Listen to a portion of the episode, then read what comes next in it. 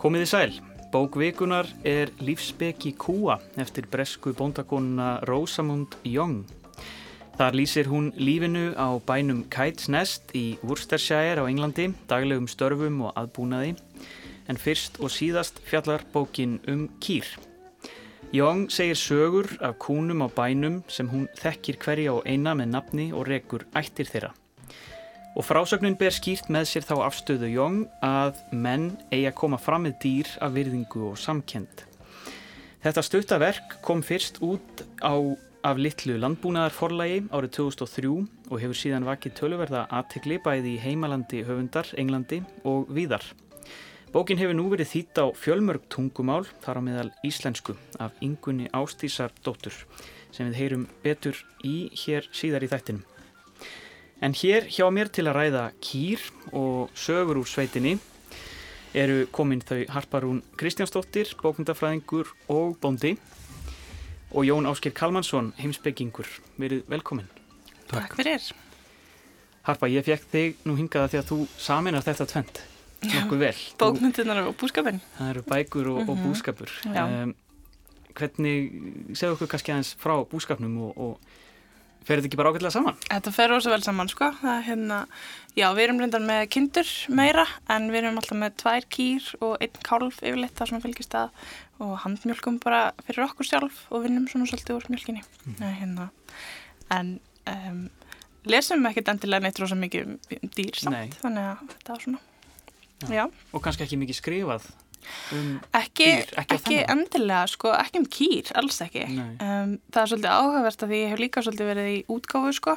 Mhm. Um, við höfum semst, endur útgáfum til dæmis fórustufjö, þetta er ásker frá Gottorp og erum núna með bók sem heitir Kindasögur, þar sem er akkurat þetta og við erum svolítið upplegað að það gerist þetta sama. Um, Kindasögurna núna eru bara svona úr nútímanum og fólk hefur ótrúlega áhuga á þessu og Mhm. þetta er svona, verðist vera, kannski eru kýr í í bresku þjóðsálinni eins og kindur eru svolítið í íslensku þjóðsálinni okkur þykir þetta aldrei vænt um þessar skefnur sko.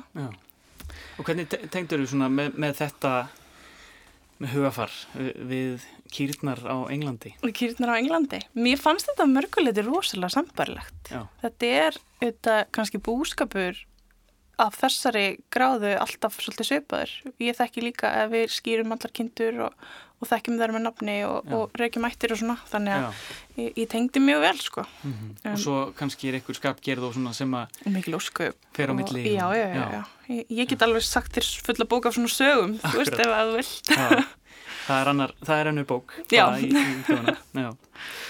Uh, Jón, þú hefur fengist við siðfræði og hefur komið aðeins inn á dýra siðfræði. Getur þú kannski aðeins byrjað að bara að tala um siðfræði og, og eh, eða þess dýra siðfræði og, og í hverju hún fælst? Hvers, hvers konar hugmyndir hafa þróast undir þessu heiti? Já, ég, ég hef nú um árabil kent námskeið sem að ég hef nú yfirlt heiti bara siðfræði náttúrunar og þá erum við náttúrulega svona velta fyrir okkur ímsu meðal annars svona landbúnaði og svona siðfræði landbúnaðar og hvernig hvernig er best að reka eh, bú og landbúnað og svo náttúrulega komum við líka inn á dýrin og svona svona si- siðfræðina í hvernig við meðhöndlum dýrin og komum fram við dýrin Mm. og þetta er svo sem þetta er nú svona svið sem að hefur verið bara tölvert umrætt á undanförnum áratugum í, í svona siðfræði Já.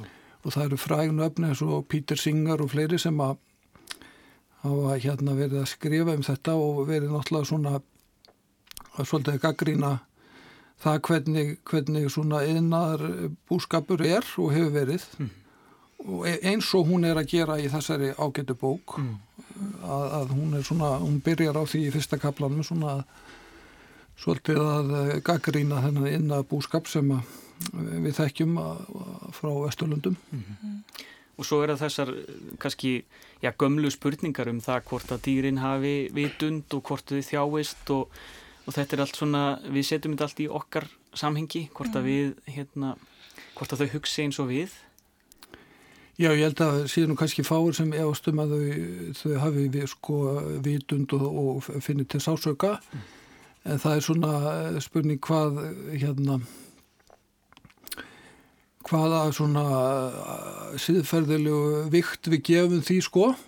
Og sumir ganga mjög langt í því og segja bara að, að hérna það að eins og, eins og til með syngir, hann segir bara af því að þessi af því að dýrin finna til þá, þá eru þau bara hérna hafa þau svona já allavega miklu meiri síðferðilegri vikt og sterkari síðferðilegri stöðu heldur en við gefum þeim oft. Mm -hmm. Og ættu þar alveg að njóta virðingar og, og, og réttinda? Já, allavega svona já, það er kannski erfitt að réttlæta ímislegt sem gert er út frá svona velferð dýrana sko. Já, mm -hmm. ef, við hugsun bara um svona það hugtak, velferðahugtaki. Já, bara hvernig við komum fram Já. Já. Mm -hmm.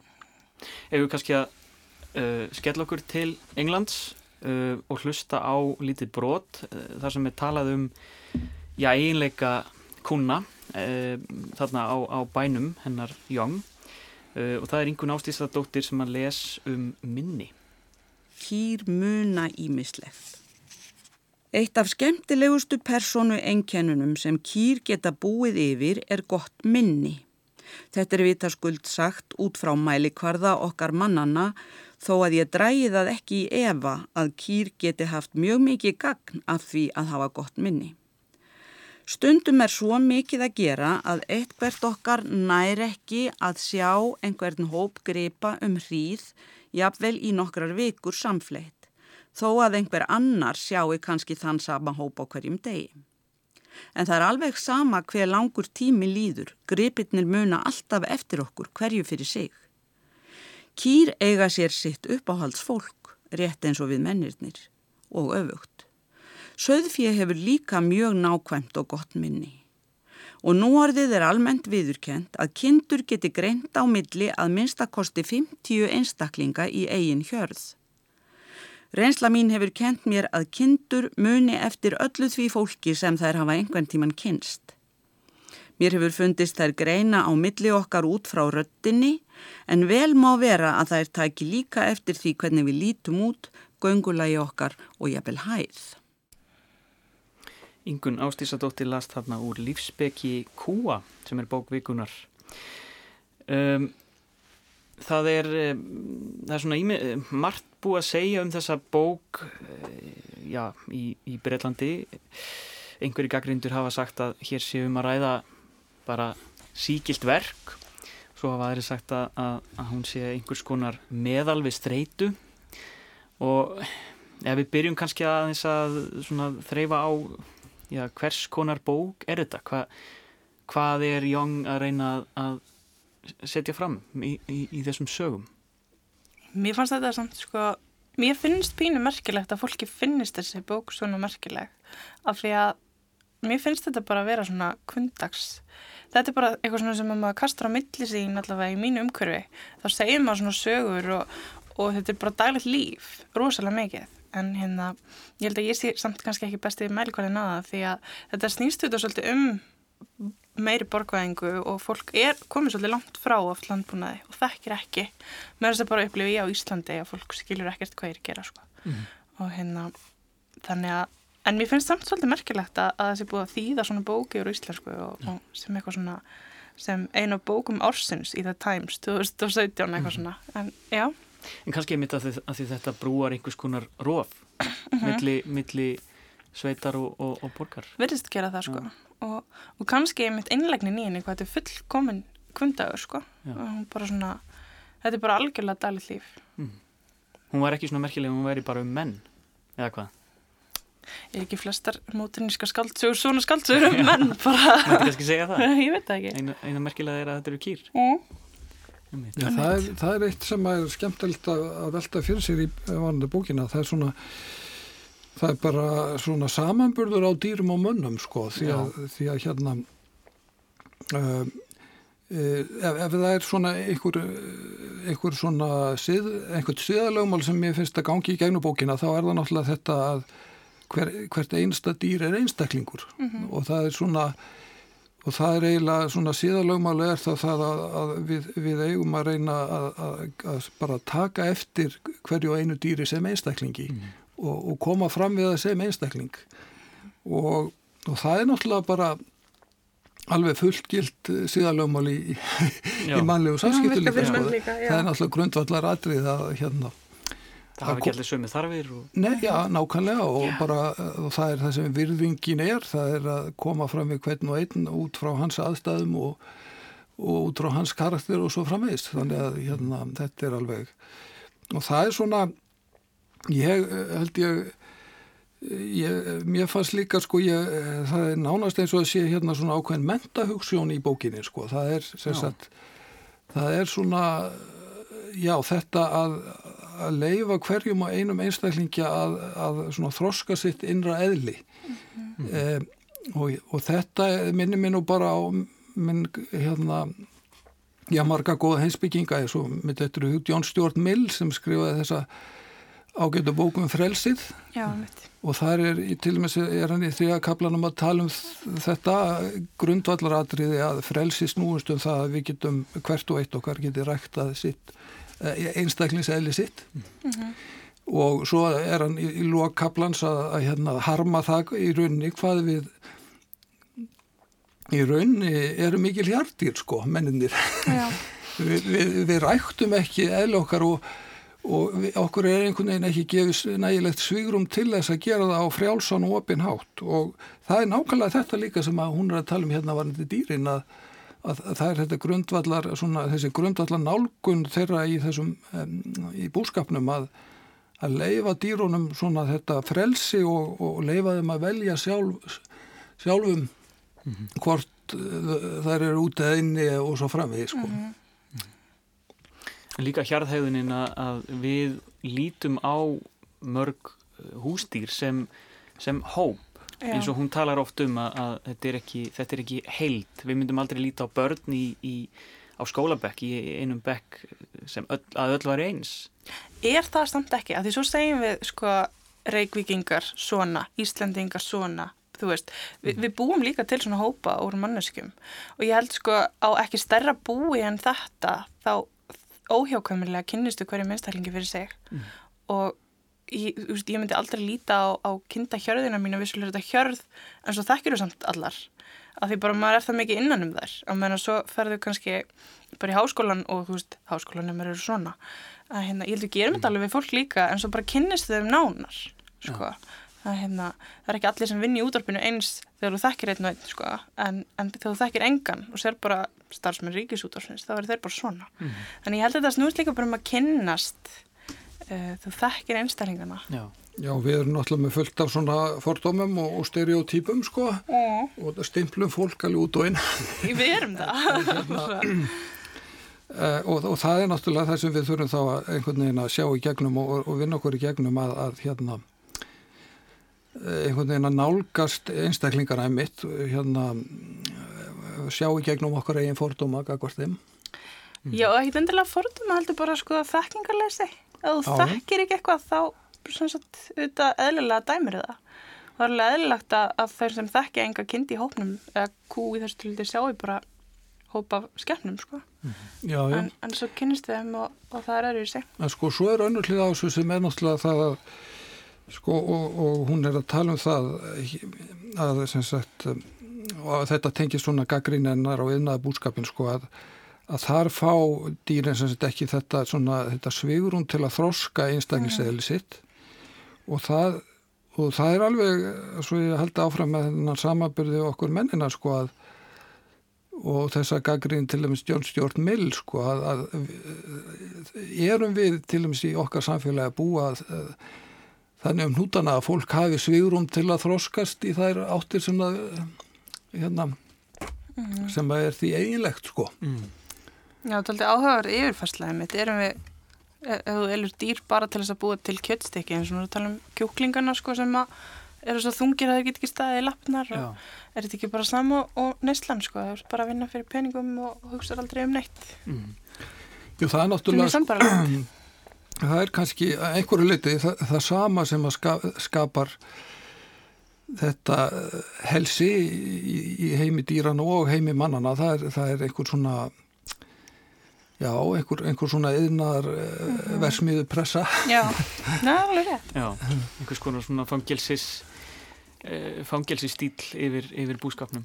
Hámarks framleiðinni. Hámarks framleiðinni. Já, Já, á, gríðilega áhersla á, á framleiðni og, og hérna, sko það er nú ske- skemmtileg hérna ef ég má uh, vísa í, á eitt stað þar sem á segir sko Þarfi nautgreipa er að mörguleiti svipar þörfum manna að vera lausir við álag, hafa nægilegt skjól, reynd vatn og fóður, nægt rými til að hreyfa sig og, og frelsi til að, að ramba um, fara í gunguferði eða bara standa og góna út í loftið.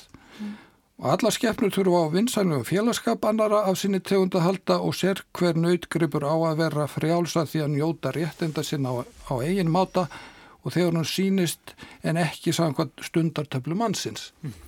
Þetta er, þetta er náttúrulega svona, já, þarna, þarna kemur þetta svona, þetta, þetta uh, þessi siðfærilega afstæð býsna vel fram og við getum alveg spurt okkur sko, að er þetta ekki bara nákvæmlega það sem við sjálf þurfum á að halda, mm -hmm. menna þurfum við ekki stundum að ramba um og góna út í loftið og, Jú, og fá bara og fá svigrum til þess sko, Já, Já, og frelsi. og frelsi. Akkurat.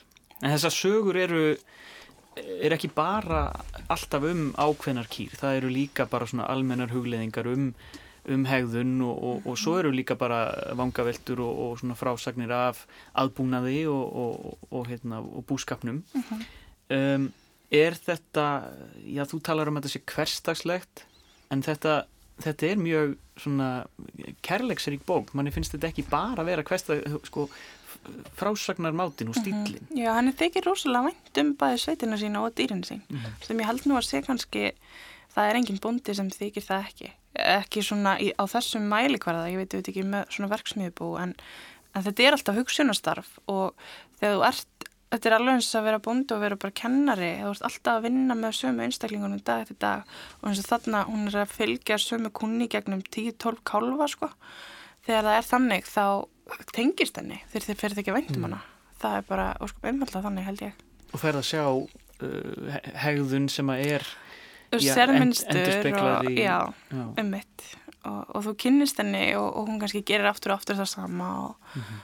og bara þetta er bara eins og að fylgja manneskju sem þið þykja vænt um sko Já. í gegnum lífið.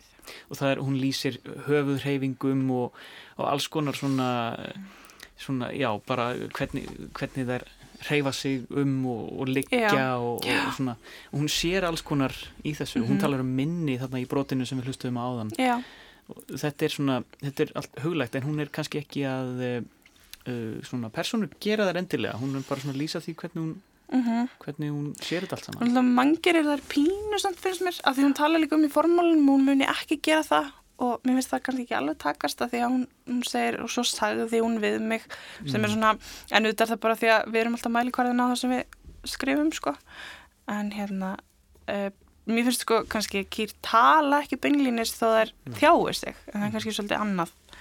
En, en já. Þetta er eitthvað svona vani að tala um að einhver ég sa- hugsa sagði það, eitthvað já, um mig. já, sama hvernig hann eh, hvernig já í rauninni sko. Það. þetta er, þetta er, já. Já, þetta er nú svona, já þetta kemur einstaklega sinni fram hjá hana og þá segir hún bara beint út að, að, að, að Kínin sagði þetta hitt sko, en, en það trublaði mér svo sem ekki neitt mikið. Og það sem hún er náttúrulega aðalega að tala um er þessi tjáskipti millir manna og dýra og, og hvernig kýrnar og, og, og dýrin svona Já, með augna tilliti mm, með bauli, með mismöndi tegundum af bauli. Já, og, og með því hvernig það er reyfa til hausinn og hálsinn og, og svo framvegis. Að, að hérna eða svona óvinnileg framkoma líka ef, ef að ef að dýrið fyrir allt í að haga sér öðruvísin það er vant og svona að, að þetta er náttúrulega svona ákveðin tjáskipti ákveðin, ákveðin hérna leið dýrana til að tjá sig og, og, og hérna koma einhver á framfæri. Og ég held að þetta sé alveg raunhæft sko, þetta er maður kannast vel við þetta, ég, ég er nú alveg upp á, á fjárbúi sjálfur þannig að ég uh, mann man svona dæmi. Já, mm. sjálfsögðum. Já, auðvitað. Það verður mjög einkennilegt að vera alltaf innan um skemmnir og það gæti ekki sagt manni fyrir verkum á einn eða annan hátt, sko. En hvað hva finnst ykkur uh, þessi hugmyndum að já, einhverju gaggrindur hafa talað um að þetta sé einhvers konar hugleðslu bók, hugleðslu frásagnir, að fólk geti lesið þetta til þess að vinna gegn kvíða. Hva, e, hva, hvernig lesið því það? Já. Í rauninni bara af hverju? Í, er þetta ekki eitthvað svona að komast næri náttúrunni og, og finna í þessari ringrás? Þú þú ert alltaf að taka móti lífinu og, og halda lífinu áfram. Mm -hmm. ég, ég veit ekki af því þetta er vinnan mín, svolítið. Þetta er það sem ég geri og, og kannski er það mjög sérstakt sko og öfundsvert, virðist vera. Mm. En, en hérna, ég ætla að kannski þekka ekkert annað. en það er kannski líka stílinn, stílinn er svo jarðbundin og hann er svona það er aldrei neitt svona, svona skrautkörfi eða, eða svona flúr einhvern veginn mm -hmm, í, í textanum Lýður mjög vel áfram þessi bók Já. og bara svona frá einni skeppni til annarar og svona spjallkendur stíla á henni oft þegar hún mm. segir sko, ég, ég átti nummitt eftir að segja frá þessu og, og nú er bókinu að verða búin en og það er svona, já, þetta er svolítið svona og einmitt kannski skapar þessa tilfinningu að þú sérst bara stattur á sveitabæi og sitir og spjallir um skeppninar mm. sem maður gerir sko Já, svo er náttúrulega önnur hlið á þessum, sko, hvað er hugleðing, sko. Mm -hmm. Og það er náttúrulega hérna gamla hinsbyggila hefðin, hún segir hugleðing snýst eitthvað um það að opna hugan gagvart einhverjum veruleika, sko, mm. að hérna, uh, já, að þekkja veruleikan í einhverjum dýbri skilningi, sko. Mm. Og, og hérna, og það er náttúrulega það sem bókin er að vantalega hjálpa okkur að gera, það er að opna hugan fyrir þessum veruleika dýrana mm. og, og fyrir þessu að hvert einasta dýr er einstaklingur. Mm. og þannig að mér finnst sko að þýleiti er það, að, þetta, að, þetta svona hjálpum mann að huglega. Það er alveg, það gengur alveg fullkomlega upp fyrir mér sko að að hjálpa manni svona að stilla sig inn á þetta og opna sig inn á þessa bylgjulengd ef svo má segja að, að hérna að vera opinn fyrir þessum þessum sviði verulegan sko Við kannski að heyra annað brott úr bókinni. Það er einhvern ástísadóttir sem að les. Óvenjuleg hegðun krefst rannsóknar. Fyrsta kvígan sem nefnd var fatt hatt hafði viðvarandi áhrif á tilveru okkar. Ekki síst vegna þess að við eigum enþá heilmörg af barnabörnumennar, barnabarnabörnum og barnabarnabarnabörnum. Fatt hatt var af bífsjórthorn kynni og var upphaflega skýrð Harriett. Þegar hún var lítil varð hún mjög feitt og fekk þá gælunafnið Fatt Hatt. Við vildum gerðnan egnast fleiri gripi af sjort hornkinni og vonuðumst því til að fá kvígur undan henni. Fyrst bar hún nýju bólakálfum í rauð. Tíundi kálfurinn hennar var afarfalleg rauðbrún kvíga sem við kölluðum Bonnet og svo egnaðist síðar 11 kálfa. Næsti kálfur fattat var blásvartur nautkálfur sem fekk nafnið Blue Devil.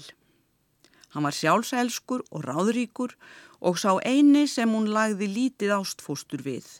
Hún syndi honum að sjálfsögðu en var auksínilega fegin þegar hann fór frá henni til að leika við vini sína. Í frumbensku var hann bara rétt eins og aðrir kálvar en um leið og skapgerðin fór að koma í ljós og þroskast var greinilegt að hann var ekki bara mjög sjálfstæður, heldur líka frekur og erfiður. Fyrstu nýju nautkálvarnir hennar sem allir höfðu verið rauðir að lit og ljúfir við hana en ekki við okkur, höfðu allir verið nefndir Ronni. Tólti kálfurinn hennar var önnur rauðbrún kvíga sem hétt Gula Berett og síðasti kálfurinn hennar var svo enn einn kvíga sem fekk nafnið Fathat yngri. Fathat var merkileg kýr að mörguleiti. Henni líkaði snögtum skár við karla en konur en var lít um mannfólkið gefið yfir leitt. Hún þurfti aldrei nýja bað um aðstóð við eitt eða neitt, kvorki við að bera eða fá aukaskamta fóðri. Henni varð aldrei mistægur. Í sannleika sagt þurfti hún aldrei á okkur að halda fyrir hún var komin á 20. vetur. Einn heitan sumardag kom ég að henni heima á hlaði þó að öll hjörðin væri á beit langt í burtu frá bænum. Óvenjulega hegðun verður að rannsaka og þegar ég nálgæðist hana sá ég að hún var með alla fjóra fætur flækta í gyrðingarvýr. Mín fyrsta hugsun var að það yrði erfitt að hemja hana, jafnvel þó að ég hefði fleira fólk mér til aðstóðar og að hún myndi líklega brjótast um og herða výrin enn meir að fótum sér. Ég var ein míns liðs heima við og engin væntanlegur heim strax, en hún virtist vera að byggja mig um að koma og hjálpa sér. Þetta var í al fyrsta skipti sem hún hafði einhverja þörf fyrir hjálp okkar mannana. Ég begði mig niður, talaði við hana eins traustvekjandi og mér var und og tók um výrin. Hún stóð grafkyrr. Ég byrjaði að losa um výrin. Við því búin að hún geti sparkað á hverri stundu. En það var eins og hún vissi að mér gæti því aðeins tekist þetta erfiða verk að hún væri fullkomlega samvinnu þýð. Hún stóð graf kyrr á meðan ég begði og sveigði výrin til að losa hann. Öðru kvoru varði ég að fá hana til að lifta fæti til að ná výrnum og þetta tók heilangan tíma en loksins hafðist það og hún var laus við allan výrin. Áður en hún lagði af stað út í hagan aftur, sneri hún sér við og horði til mín. Mér finnst skemmtilegt að ímynda mér að þá hafi hún með semingi verið að viðurkenna að mannskeppnan gæti stökusinnum komið að gagni.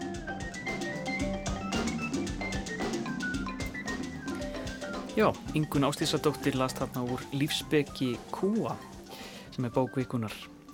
Það var eiginlega endurinn á þessari sögu og þessi saga í rauninni sem var svona, mín uppáhald saga ég staldraði eiginlega lengst við þetta að maðurinn væri að koma að einhverju gagni mm. og þá fór ég svolítið að velta fyrir mér einmitt hvað við værum að gera við öll þessi hústýr hvað, ég fór svona svolítið í eh, hérna leit inn á við um, hún er öðrum þræði að gaggrina svolítið uh, hegðun manna og, og gagvart dýrum og, og kannski mm -hmm. þennan yðnaðar búskap þar sem að enginn hefur nafn og, og, mm -hmm. og hérna Já, mikið stefi gegnum bókinu og segir aftur og aftur um öll dýr þau þurfa frelsi, þau þurfa þetta og þetta þetta er svona, hún telur alltaf upp sömu hlutina geta valið og fjölbreytri fæðu hafa reynd vatn og, og eitthvað svona sem manni á, finnst kannski svolítið sjálfsagt sko. Mm -hmm. um, en mér fannst þetta reyndar pínu magnað af því hún er alltaf að kakkarina innaða búskapin að hún samt eiginlega maður fær aldrei alveg að reynd hvernig búskapur þetta er.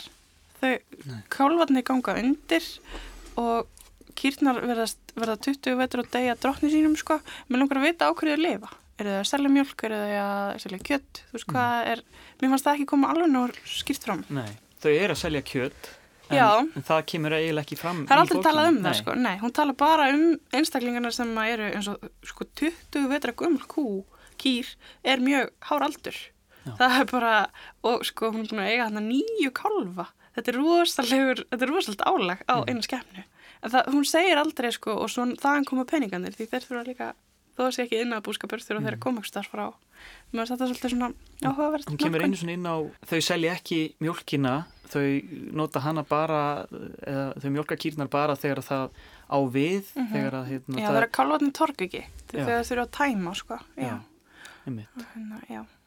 Og þetta er já, þetta er samt undirteksti það er einhver undirteksti þarna það er eitthvað annað og kannski svona mætti vera meira á yfirbórinu og kannski hrein, meiri hreinskilni um það að þarna er auðvitað einhver sem þarf að deyja Já, þú þarfst að standa með því sem þú gerir finnst mér. Og sko ég veldi fyrir mér þeir sem að nálgast þessa bók sem svona sveita rómans eitthvað. Mm -hmm. uh, þeir lesa held ég ekki en undirteksta Nei. og þeir hugsa já svona er sveitin en, en það er önnur saga þarna sem er ekki sögð. Og, og mér finnst það mm. tínast svolítið. Já ég er nú sammálað þessu sko. Ég, mér finnst þetta svona vöndun í bókinni sko að, hérna, að tala um þessa hlið því að þetta er náttúrulega stór hlið á öllum búskap uh, og hérna og, og það þekkja það allir að merkja bændur að þetta er svona ákveðin sorg líka mm. sem er tengist þessu og, og hérna og er náttúrulega svona já nánast svolítið tilvægstaleg bara tilvægstileg og vandi bóndan sko mm. og kannski svona þversögn landbúnaðarins bara já, það má alveg segja það og, og kannski bara þversögn þess að vera lífvera vitandi vitsi lífvera á jörðinni sko mm. að við erum í þessu kerfi þessum að allt snýst um það að, að geta og vera getinn sko. Já, já, já. Eh, Þannig að þetta er svona, já það, það hafa nú heilu trúabröðans brottið að þessu. Mér er í hug hérna ungi búta sem að fadir að reynda að dilja fyrir honum til við stöðans og, og svo framvegið sko. Mm. er, og svo er þetta svakalega sjokk þegar hann uppkveitar þetta allt saman hvernig þetta gengur fyrir sig. Já, ja, og þetta er náttúrulega þetta er bara veruleiki sem við lifum í og, hérna, og það má kannski segja það hún, hún hefði svona mátt aðeins já, viðu kenna það betur mm. Já, líka af því hún kýrst að skrifa svona lærðan ingang þú getur alveg skri, sagt bara svona sögur af, af einstaklingum Já. og það er gott að blessa en, en af því að hún, hún setur þetta fram sem einhver svona ring en við veistum ekki ná að lókunum mm. svona... og kannski gaggrínir hún, hún gaggrínir yðnaða búskapin mjög harðlega mm -hmm. en svona setur ekki allt sitt upp á borð nei og það fennst mér pínu hættilegt sko. hérna mm -hmm. Já, ég veit svo sem ekki hvernig hún hugsaður þetta þetta er náttúrulega Þetta er náttúrulega svona, hún er náttúrulega aðalega að segja þessar sögur þar sem að dýrin fá einhvern veginn að stíga fram sko sem mhm. einstaklingar og, og sem að sín, sögur sem svona sína þeirra personuleika, þeirra vit og, og hérna þeirra svona dindi og svo framvis. Mm og kannski hefur hún ekki þótt bara einhvern veginn með, eh, hún hefur ekki komið hinn og að eh, eða eitthvað slíkt sko. Sko kannski skiptir líka markápurinn hann að máli, þú vorust að segja að þetta kemur fyrst út hjá okkur svona litlu landbúnaðarforlegi og þar náttúrulega ertu bara að skrifa fyrir sagt, sama markóp og þú ert og þú ætlast bara til að fólk viti þetta Já, og svo verður þetta, þetta bara eitthvað svona springur mm. út mm. og hérna Já það er náttúrulega góði punktur, hún hefur kannski ekki búist við að bókin er því svona fræk Nei, allir það nokkuð og ég held hún sé ekki mikið að fylgja henn eftir ég held að hún vilji nú bara vera bóndi í friði. bóndi í friði, hver vil það ekki? Já, einmitt. En það er, uh, þetta er svona stóra spurningin að, að það er þarna við erum með mjög hlýjar sögur mm -hmm. af, af atbyrðum þessara, þessara kúa. En, en svo er þetta að, að staðrindin er náttúrulega að þarna er landbúnaður. Sko við vitum náttúrulega ekki smáatröðum hvernig, hvernig uh, líf og starf bænda var eh, mm. svona þegar landbúnaða byltingin verður mm. það er engar, þannig heimildir en þetta er kannski góð heimildum bara svona okkar tengsl við, við dýrin og, og hvernig við lítum á þeirra líf mm. út frá öðru en sko bara byrðarstöðu bóndans og, og, og svona hvernig aðbúnaðin er þannig að þetta er, þetta er kannski mikilvægt að Þetta er náttúrulega bókmyndagrein að skrifa svona sögur og við eigum þetta hérna líka og ég hugsa að, að öll samfélag, en þetta er kannski ekki, þetta verði ekki meðtölubækur svona almennt, mm.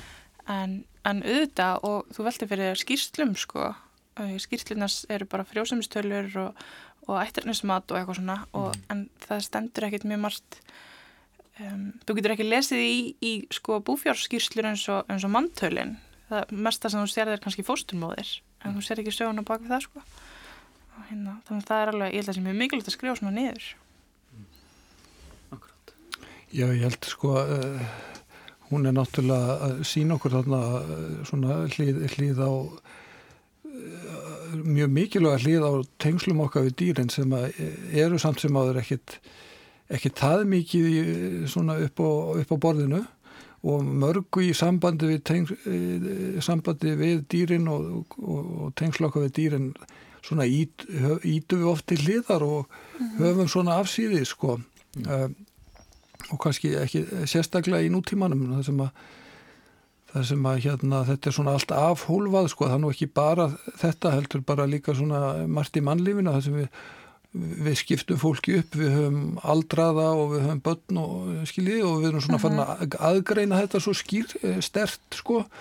Og það, það er margt sagt í nútíma samfélagi sem að einkennist að þessu svona við flokkum hlutin upp og, og, og ræðum ekkit um það endilega svo mikið.